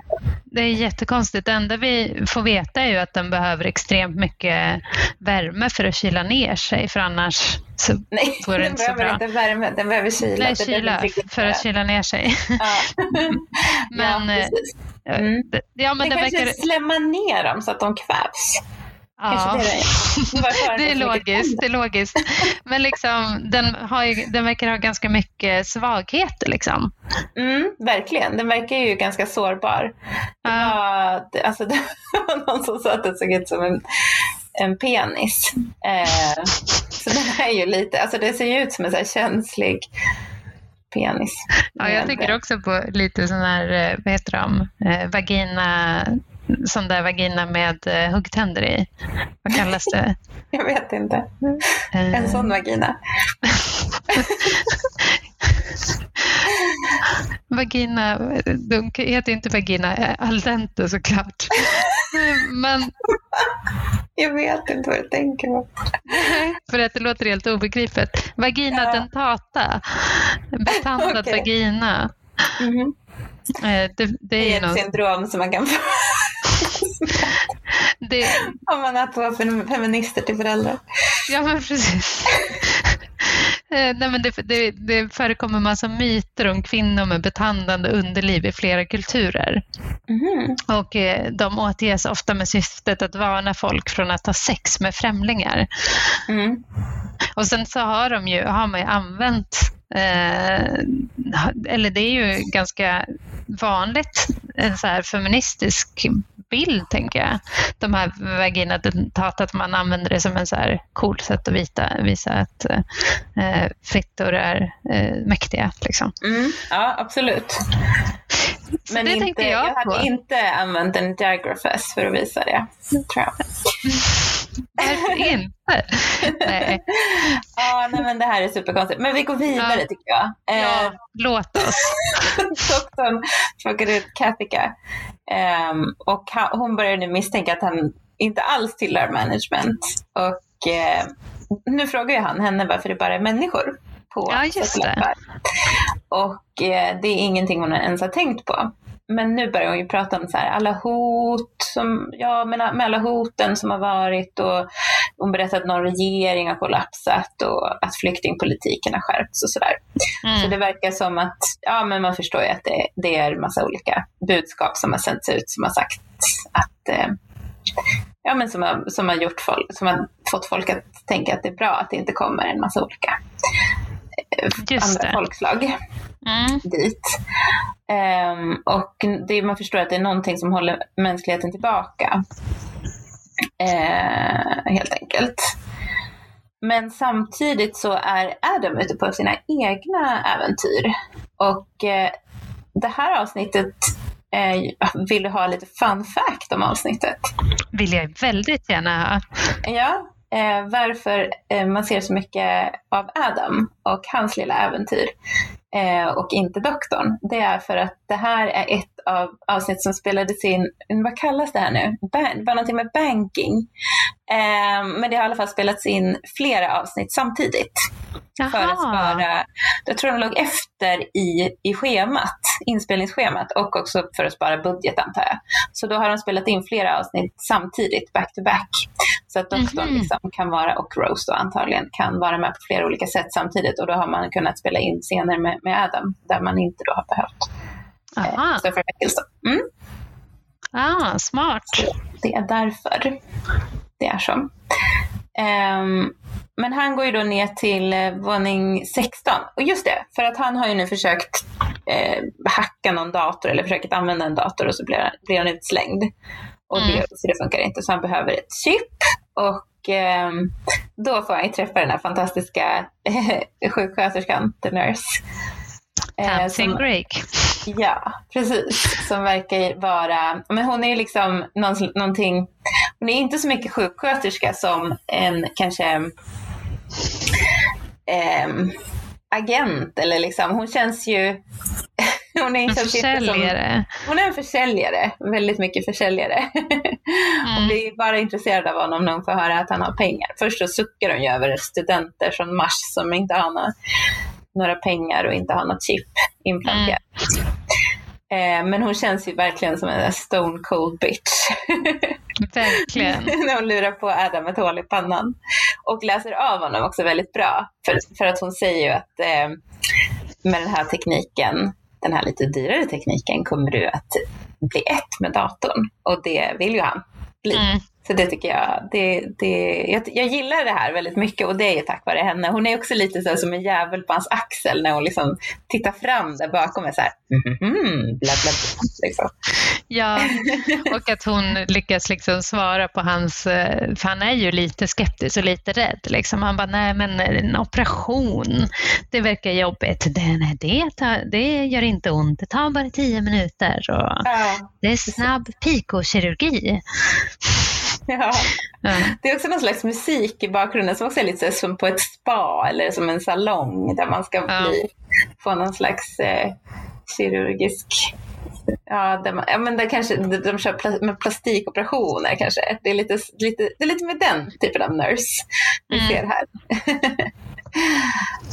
um, ja, och samtidigt så håller doktorn på och eh, saboterar och, och, och liksom tar sig in i, i någon... Eh, ja, för det blir liksom ett klipp här från att Adam har varit är inne och opererar sig till mm. att Katika säger “You're gonna get, get in so much trouble”. Mm. Och det känns ju som en kommentar till det Adam håller på med. Ja, eh, faktiskt. Eh, men egentligen så pratar hon med doktorn som håller på att liksom bryta sig in i något elskåp eller någonting sånt där. Mm, som han alltid gör. ja, det känns ju härligt liksom. Men doktorn blir väldigt irriterad på Katika för att hon, han tycker att hon inte är någon riktig journalist som inte ställer frågor, eller i alla fall inte ställer rätt frågor. Mm. Eh, men när han ber henne titta på rörsystemet på skeppet eller på den här rymdstationen då, så listar Kattika till slut ut att det, det, är någonting på översta våningen som producerar en, en massiv mängd hetta mm. som trycks ner till de andra våningarna. Och det är ju bra, för nu börjar hon ju tänka lite i alla fall. Ja, och varför det är så varmt eh, säger ju um, eh, doktorn säger ju att det är ju rätt fråga att ställa sig. Ja. Att han har förstått det från första början. Att det är där skon klämmer så att säga. Mm, ja, precis. Um, och nu så är det ju, nu börjar ju redaktören upptäcka att det är något skumt med doktorn. Ja. Och um, ja, efter en scanning så förstår han då att varken doktorn eller Rose finns i systemet och då blir han ju väldigt fascinerad. Ja, det är det som är så roligt med, alltså det är därför han är en så bra viljen, eller mm. skurk, att han liksom verkligen är intresserad och att det att, ja, men att han verkligen, han vill säga det här vill jag förstå. Ja. Han vill inte bara döda dem, han vill förstå dem. ja, precis. Mm. Men här, och, och här får vi också se Adam eh, se, eh, vakna upp efter den här operationen och se att det finns ingenting, eh, det finns inga ärr eller någonting. Och så blir han, men, men, när han får se sitt hål i pannan första gången, mm. så, som öppnas med en knäppning, för det är default. Hon berättar ju inte hur han ändrar det. Det hade, hade han kanske behövt veta.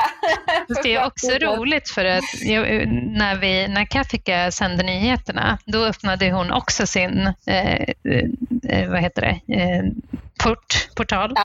mm. eh, genom att knäppa med fingrarna. Så hon har ju inte heller ändrat. Nej, Men precis. Eh, den kanske är en bra inställning. Oh, Nej.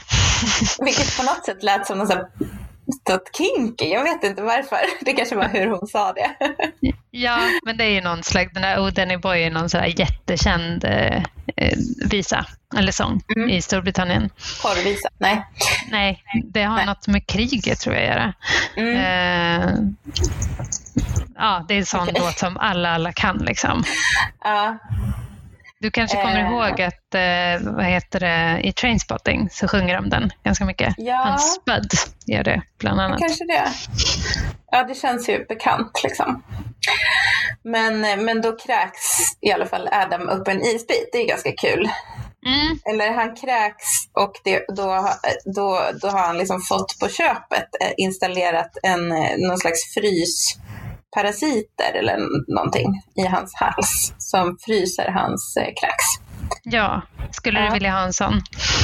Jag vet inte. Det ser så äckligt ut. Men jag menar, det kanske ändå är bättre. Eh, det låter lite bättre. Det är ganska jobbigt att kräkas. Eh, och, och den ser ju ganska äcklig ut, men det är faktiskt kiwi och apelsin i spit ja. som de har använt. Mm. Då blir man ju sugen. Ja, kan man ha i en bål. Um, ja, men sen så får ju, sen ser vi eh, doktorn och Rose åka upp i hissen. Eh, mm. de, och Katika vill absolut inte följa med.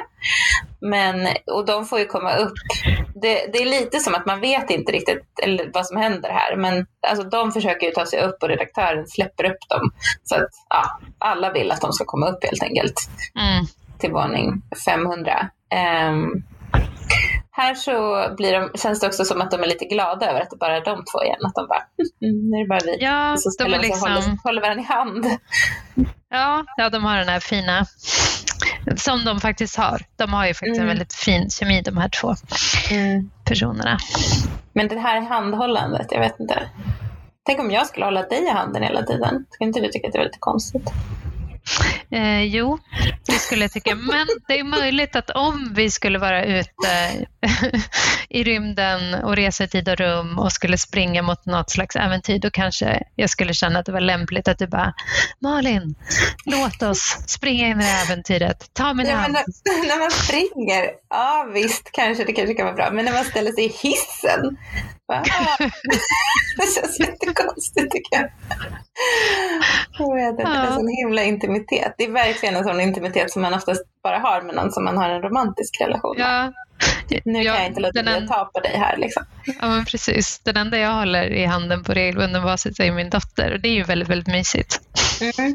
Ja men samma Eh. här. Eh, med Min dotter? Ja, håller henne jätteofta i handen. Nej, men min son, eller min yngsta son, min äldsta son, han är ju snart tio, han vill absolut inte hålla mig i handen. Tyvärr. Ja. Men min yngsta son håll- håller mig ofta gärna i handen, men det är bara för att liksom bli dragen eh, framåt. Ja, vi ja, men det gå. gillar ju min dotter också. Ja. Men eh, ja, de får komma in och träffa redaktören. Vi behöver inte se dem leta sig fram så mycket väl. Nej, Utan- de kommer nog rakt in. typ ja, Ja. rakt på. Och så får de se Suki sitta där och jobba. Fast hon är död. Mm. Och de får också träffa då chefredaktören i taket. Som hänger där. Och eh, han är ju då, som eh, redaktören säger, in charge of the human race. Mm. Så han är in, ja, det är han som bestämmer. Eh, Ja. mm. Och han heter alltså då Jagrafessen av det heliga Hadrojasik Maxarodenfol. Bra Malin! Mm. Ja. Men som chefredaktör, eller som redaktören säger, jag kallar honom Max. Så det kan ju Ja. vi också göra. Det är ganska bra. Det passar ju också. Han är ju ganska maxad liksom. Alltså, Onekligen. ja. Men eh, ja, du, jag hörde, läste någonting att eh, Simon Pegg hade väldigt svårt att uttala hela det där. Ja. Den här harangen av hans namn. Och jag tänkte på det när jag såg avsnittet eh, andra gången. Att det är liksom som att han, när han säger det så filmar de inte på honom. alltså man, har, man ser, han är inte i bild Ah, när han det är säger någon hela annan som namnet. säger det helt enkelt. Nej, men han kanske säger det men typ läser det från ett papper eller någonting. Ja, Tänkte jag. Ja men det är svårt. Man hör inte hur tydligt som helst utan det är också att den där Jagrafessen håller på och vrålar liksom och grymtar Ja. samtidigt.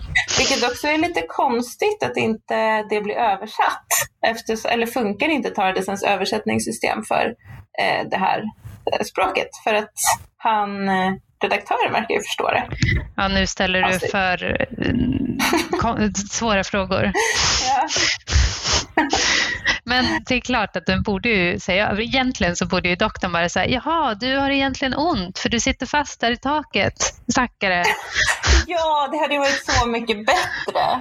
Fast det Ja. hade sig varit så här, hela historien hade ju fallerat. Men Ja. jag hade gillat det. Att, Ja. det var egentligen någon, att det var själva verket redaktören som var ond. Alltså Ja. jag tycker liksom hela den här grejen med Jagrafesser känns jättekonstig och helt onödig och väldigt så här, ja men jag vet inte, ett stort slemmigt monster uppe i taket som skulle styra. Den känns inte alls sofistikerad nog att göra det. Och den ska bli 3000 år den kan vara 3000 år gammal. Så den borde Ja. ju vara, ha en jättehög intelligens. Men jag förstår, alltså det känns... Ja, men alltså de skulle ju bara kunna gjort det utan den. Det enda de ja, skulle... Det hade funkat jättebra. Det hade funkat mycket bättre egentligen. Ja, då hade det enda varit det här med eh, att det inte skulle varit eh, varmt i hela... Nej. Eh, men det, det känns som att de skulle kunna löst det helt enkelt. Ja, det, det, det var inte så viktigt liksom. Nej, och då kanske vår redaktör skulle kunna fått haft ett tjusigt kontor också. Mm, verkligen. Mm.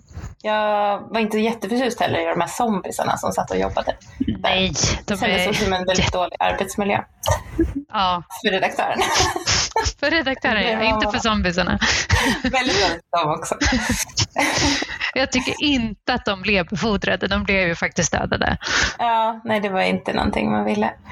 Nej. Men då berättar ju den här redaktören att det, det, var, det är så enkelt att manipulera mänskligheten, det som inte mm. du då håller med om eller tycker att det ska vara, men att det är bara att skapa en stämning av rädsla och så är det enkelt att stänga, stänga gränserna. Han säger mm. väl också så här att det är bara att upprepa en, en eh, samma budskap om och om igen och säger det på lite olika sätt så tror ja. folk det till slut. Ja, men och så, alltså, det är så det funkar. Ja, men det är väl klart att jag också håller med om det. Men vi sitter ju här nu i Sverige och har en socialdemokratisk minister som är stolt över att presentera att vi har det hårdaste migrationsförslaget på 40 år. Alltså, det är klart att det bara är någonting som har varit möjligt att kunna gått igenom för att de har upprepat om och om, om, om igen hur dåligt med det är med invandring. Liksom. Mm. Så det är klart att det, det ligger ju någonting i det. Det är mm. bara det att ja, man gillar ju också anarkister och motstånd. Mm, ja, verkligen. Mm. Nej, men det är jätteotäckt liksom. Och det här, um, jag tänker på, Russell T Davis har också gjort en serie lite mer i modern tid som heter uh, Years and Years. Mm. Som uh, handlar om Storbritannien efter Brexit. Det här var ju, han gjorde ju den innan Brexit, kanske för att han hoppades påverka utgången. Men ehm, ja, den är ju som en framtidsdystopi som är ganska otäck och där är det ju ett spår med en eh, populistisk politiker som är väldigt eh, invandrarfientlig. Mm. Där de också stänger gränserna och det är fruktansvärda, har ju fruktansvärda konsekvenser ja. för alla de här människorna. Alltså en mycket bra serie. Tycker alla jag borde se den. Jag älskar den serien. Ja. Jag, jag var faktiskt i, stor, i, i Storbritannien precis när den eh, sändes. Så det var så kul. Och, för just då när jag var där så var ju alla, ingen ville prata om Brexit för de är så trötta på det. Liksom. Mm. Eh, och jag var där, eh, ja, hälsade på några forskare eh, och eh, de var ju emot Brexit såklart men orkade liksom inte prata om det. Men Nej. de hade sett den där serien och var liksom bara, åh, den är så himla bra. Mm. Ja mm. men den var ju, ja, den, där hade han ju lite högre budget om man säger så. RTD. Um, mm. Så den gav ju, ja, men han, han liksom, jag kände att han liksom lurade in oss i någon så här eh, serie som man inte trodde skulle handla om det och sen så handlade den så himla mycket om det och ja, den var väldigt bra. Mm. Men du har ju verkligen rätt i, alltså, jag har ju tänkt egentligen att det känns ganska random, de olika sakerna som han gör. Eller eh, kanske inte just Years and Years och eh, den här nya serien om aids-epidemin och eh, Queers of Folk, de kanske har någon slags röd linje, eller röd mm. tråd menar jag. Eh, och sen så har jag tyckt att Dr Who, varför har han gjort Dr Who då? Varför har det varit? Men, men det är klart att när vi pratar om det nu så finns det så himla tydliga paralleller kring vilka mm. Frågor han tycker är viktiga och vad han vill berätta. Mm. Eh, och så gör han det genom ett science fiction-äventyr eh, i det här avsnittet. Ja. Det är ju superbra. Alltså man ja, gillar det. det. Han lurar ja. ju in folk i det. Att så här, jag ska ja. bara kolla på en rolig underhållningsserie och sen så är det jätte, jättemycket samhällskritik och så ja. ligger under. Och jag vet inte hur Dr Who var innan, om det var samhällskritik. Jag skulle gissa att det inte var det. Jag tror att det var väl mycket så här historielektion för barn ja, verkligen. i början. Ja. Att ja. doktorn reste mycket till det förflutna så att barn skulle lära sig om historien. Typ. Ja men precis, men, det var ett eh, barnprogram mm. framför allt och nu känns det ju inte som det är det helt enkelt. Nej, nej det finns vissa saker. Alltså, ja, det, det, både det är klart, alltså den här jägarfessen kanske är en, eh, någonting till barnen. Something for the kids. Ja men det är det nog. Ja men det är det ju ja. säkert. För att det hade inte blivit lika effekt, eller ja, det är roligare med ett stort förhållande monster. Ja. Eh, och många, alltså när jag lyssnade på någon podcast innan det här så, så var det väl många som relaterade till Trump liksom. Mm. Eh, för det var någon amerikansk podcast också som spelades in när Trump fortfarande var president i mm. USA. Och eh, det kändes väl så här, ja, det kändes väl, in, det kan inte bli mer träffande. Nej men det håller jag med om, verkligen. Ja. Nej men det är ju jätteläskigt ändå med det här. Alltså hur samhället har utvecklats sen, mm. sen det här avsnittet spelades in och mm. vi har alla sociala medier och ja, det är så lätt liksom att stänga in, stängas in i en bubbla och få höra saker om och om igen. Mm. Ja, det är viktigt att tänka kritiskt. Mm. Som Katika börjar göra, för hon har ju nu kommit upp. och, Snygg övergång. Ja, och, mm. och doktorn och Rose är ju, sitter fast i någon slags eh, handbojor ställningar. Mm. Det har ingen annan gjort tidigare, men det är väl för att redaktören vill inte döda dem än, för han vill få information om dem. Um, och doktorn ser ju Katika bakom redaktören och mm. börjar ju prata. Han förstår ju att hon är deras enda chans. Så han börjar ju berätta, berätta saker för henne i stort sett. Liksom, hur hon kan desarmera eh, den här, det här monstret typ. Mm. Um, men samtidigt, och liksom deras övertag är ju också att, de, att redaktören inte vet vilka de är. Eh, det är så de liksom får, får, vara, får stanna vid liv. Men samtidigt så kommer den här idioten Adam då och kopplar in sig eh, genom sitt hål i pannan. Och då, får ju allt, då är det, visar det också så att, säga, att allt han vet också strömmar in i, i den här huvuddatorn. Då. Så att ja. eh, redaktören verkar ju också få den informationen direkt. För honom verkar det inte behövas någon spike för att det ska funka, utan han verkar bara som få all information på en gång på något ja. övermänskligt sätt som inte heller verkar vara helt logiskt. Nej, verkligen inte logiskt. För, men, och en sak som jag heller inte fattar, för då får ju då redaktören veta vem doktorn är och vem Rose är. Men mm. liksom, hur mycket vet ens Adam om mm. Rose och doktorn? Alltså han vet ju att doktorn, eller vet han, vet han ens vad en tidsherre är till exempel? Mm. Nej, eh. jag vet inte. Han kanske bara vet att doktorn en tidsherre. Det fick ju vi alldeles nyss reda på. Det fick inte vi veta direkt. Så jag vet inte varför doktorn går omkring och säger det hur som helst.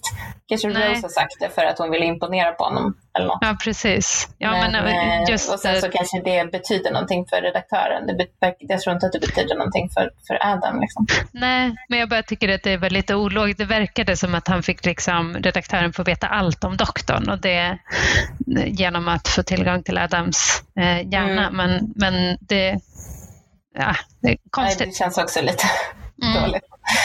Men det är också, och också men nyckeln börjar sväva för att de ska ta sig Alltså så. Varför? Hur? Kunde de bara Varför? inte låtit bli att göra det? Ja, det är så dåligt. Ja. De liksom, ja. Och sen så säger också doktorn så här, du och dina pojkvänner till Rose.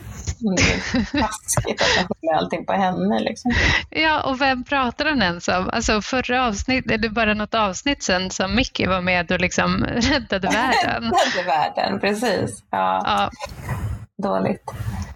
Uh, men uh, ja, men Kassika ser ju till att rädda situationen. Så hon slänger undan ett skelett och sätter sig i en tandläkarstol, eller vad man nu ska kalla det, en sån här spikestol. Och uh, nu är det också väldigt så här, ja, på något sätt så tar de bara över hela skiten och vänder på värmesystemet så att all värme strömmar uppåt. Jag vet inte, fråga mig inte hur. Jag har ingen aning.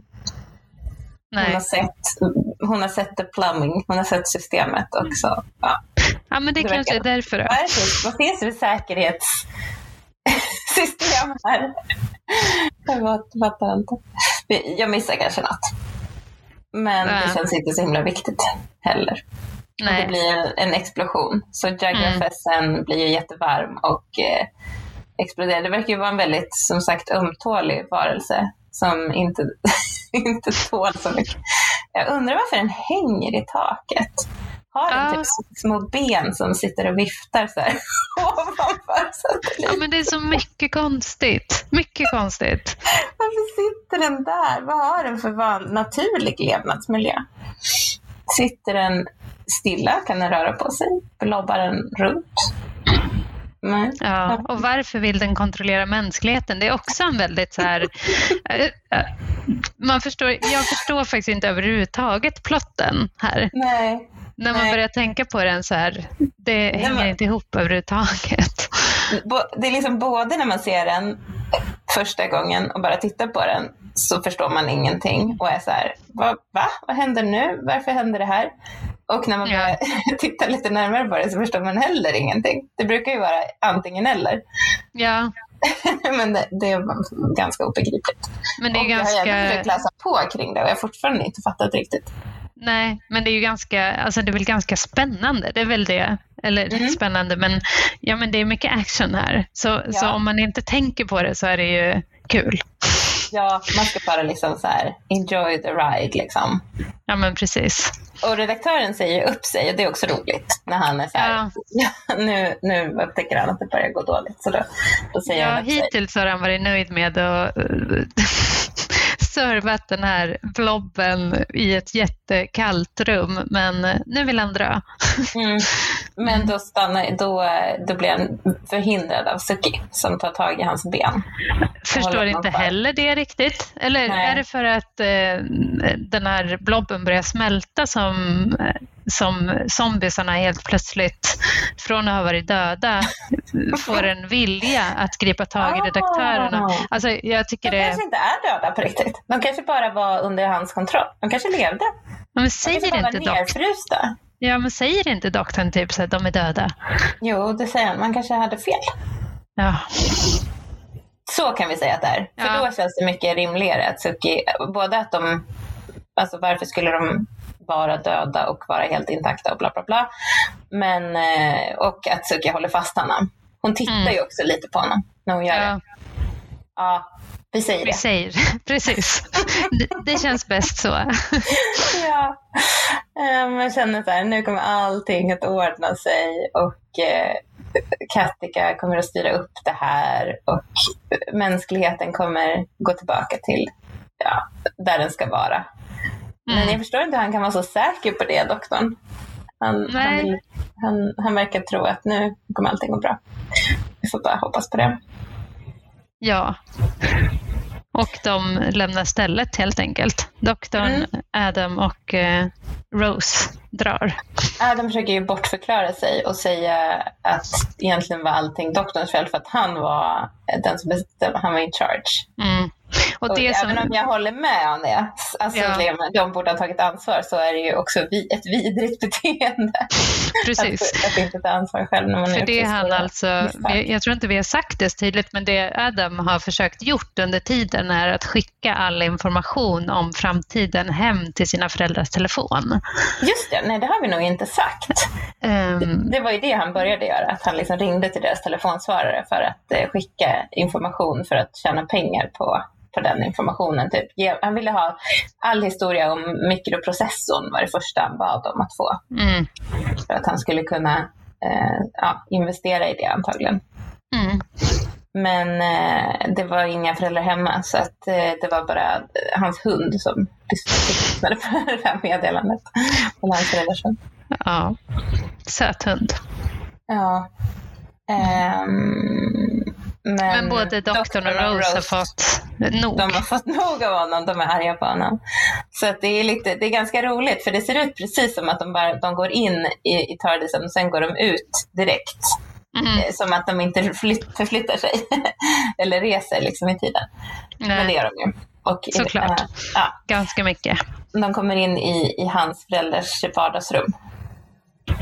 Ehm, och eh, eh, ja, doktorn liksom är ju superarg och tycker att, och kastar ut honom. Och Adam vill tydligen vara kvar. Och är lite så här, men varför får inte jag följa med? Liksom.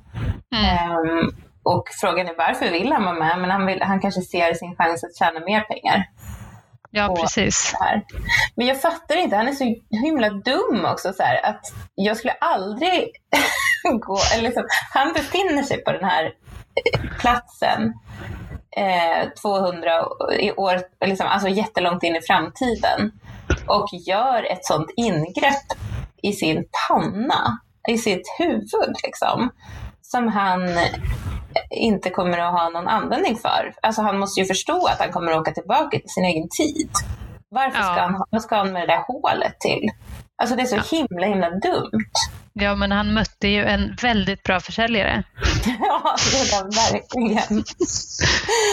ja, nu får han ju verkligen eh, skylla sig själv och äta upp det här. Och doktorn säger åt honom att han får leva ett eh, ett eh, liv i skymundan. Liksom, för Ja. att inte det här ska visa sig. För att han säger så här, jag har ju ett hål i mitt huvud. Han, han trodde ju säkert, han verkar ju vara så himla, alltså han är ju inget geni. Eh, utan han verkar vara väldigt så här, han verkar inte ta ansvar. Hans föräldrar har säkert skämt bort honom jättemycket och bara Ja. så här, Åh, våra genipojke, du är så duktig. Vi ska ta hand om dig och ta, göra, tvätta alla dina kläder åt dig. Alltså, Mm. Typiskt den typen. Så Ja. han tänkte väl så här att jag gör det här hålet i pannan och sen kommer säkert doktorn kunna hjälpa mig att ta, ta bort det igen.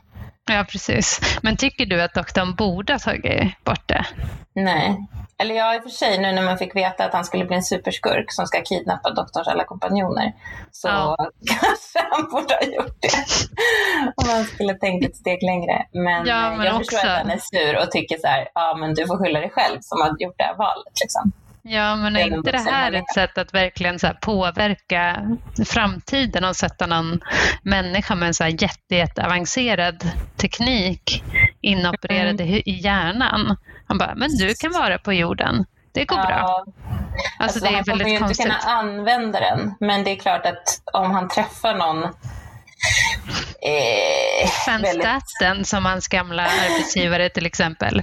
Fast han är ju en uteliggare nu Ja, i just det. Men, Man men skulle eh, kunna träffa någon som skulle kunna så här, undersöka honom och kanske, jag vet inte, bygga någonting utifrån tekniken. Ja, det är klart. ja, Det är möjligt. Och sen så varje gång han kräks så blir det också...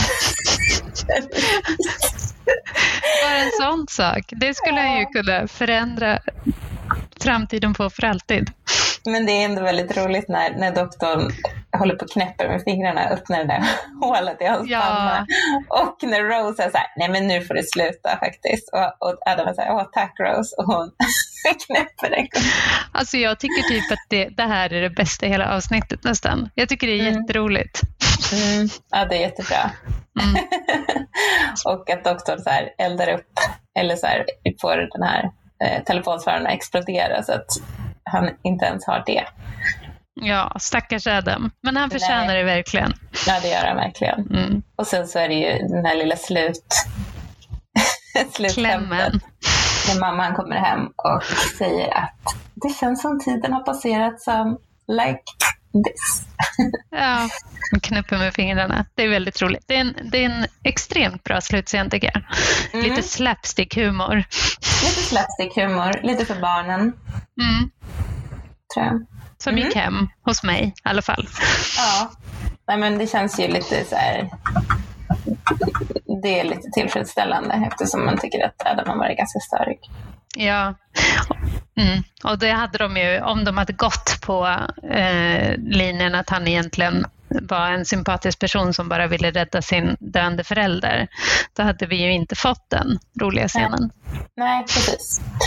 Så, jag är glad över att de gjorde honom till en onding. Ja, precis. Och han är ju liksom inte en onding heller, som, ja, som du var på väg att säga, utan han är liksom bara en helt vanlig girig person. Som, Ja. alltså, säkert, många skulle säkert ha tänkt att det vore smart att investera i framtiden. Eller investera i det här. Liksom. Ja, Eller liksom försöka ja, men ta chansen. Liksom. mm. Så, mm. Mm. Ja. Men Det var det vad- avsnittet. Precis, hur känner vi inför det här avsnittet? Nej, men jag, jag känner nog att som sagt, det är ju en bra...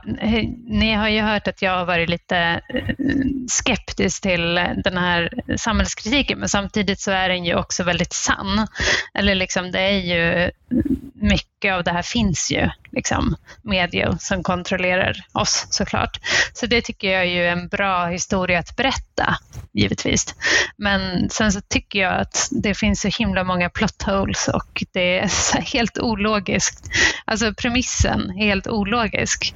Mm. Eh, det här med Jagrafessen som eh, kontrollerar mänskligheten, oklart varför, genom att, eh, ja, genom att kontrollera media. Oklart varför. Alltså Mm. det, är så, det är bara så konstigt. Mm. Men eh, ja, vad tycker du? Mm. Men jag mig inte riktigt lika skeptisk som, som jag tror du är. Men eh, jag tycker också att det är ganska, alltså, det är väldigt, det är fullt av hål, det här manuset.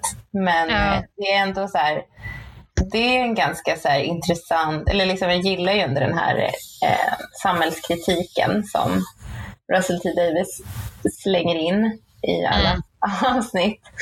Och ehm, jag tycker också om, alltså det känns välskrivet på det sättet att det är väldigt många bra karaktärer och bra Mm. skådespelare. Men det är Mm. inte bara bra skådespelare, alltså det är ju inte som att de har ingenting att jobba med utan de har ju ändå fått så här intressanta, alla har sina liksom bra, de har en ganska bra motivation. Även Adam är ju en intressant karaktär i det här avsnittet. Så Mm. jag tycker att på det sättet så är det väldigt väl uppbyggt och ganska så spännande att följa med på resan. Vad är det som händer och varför är den här liksom, vem är den här redaktören och sådär. Det är ju mest att det är en tråkig reveal. eh, Att den här Jagger är så Ja, eh, tråkig. Liksom. men jag har också läst att, ehm, eh, att eh, Christopher Eccleston tyckte att det här avsnittet var väldigt svårt att jobba med. För han tyckte att medan de flesta karaktärerna har fått ett väldigt bra manus här i så var det väldigt oklart med. Eh, och det tyckte väl han om hela säsong ett egentligen. Men eh, exemplifierade med det här avsnittet att han har liksom inte fått någon vägledning från Russell hur han ska vara.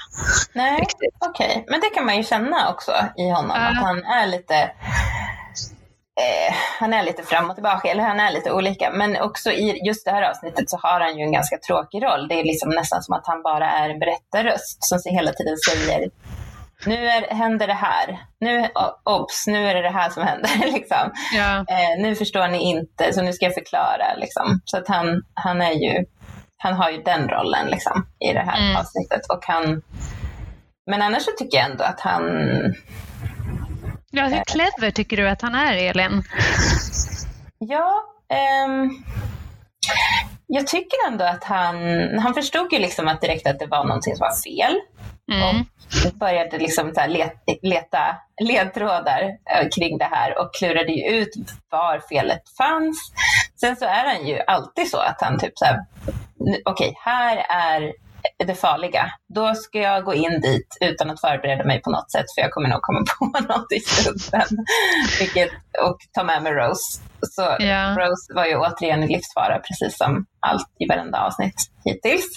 Och här var det Ehm. väl dessutom Rose som fick hjälpa honom loss ur den här. Rose tog sig ur de här eh, handklovarna som de var i. Jättelätt och så var det jättesvårt att få loss honom. Ja. O- oklart varför, men han behövde ju verkligen Rose här.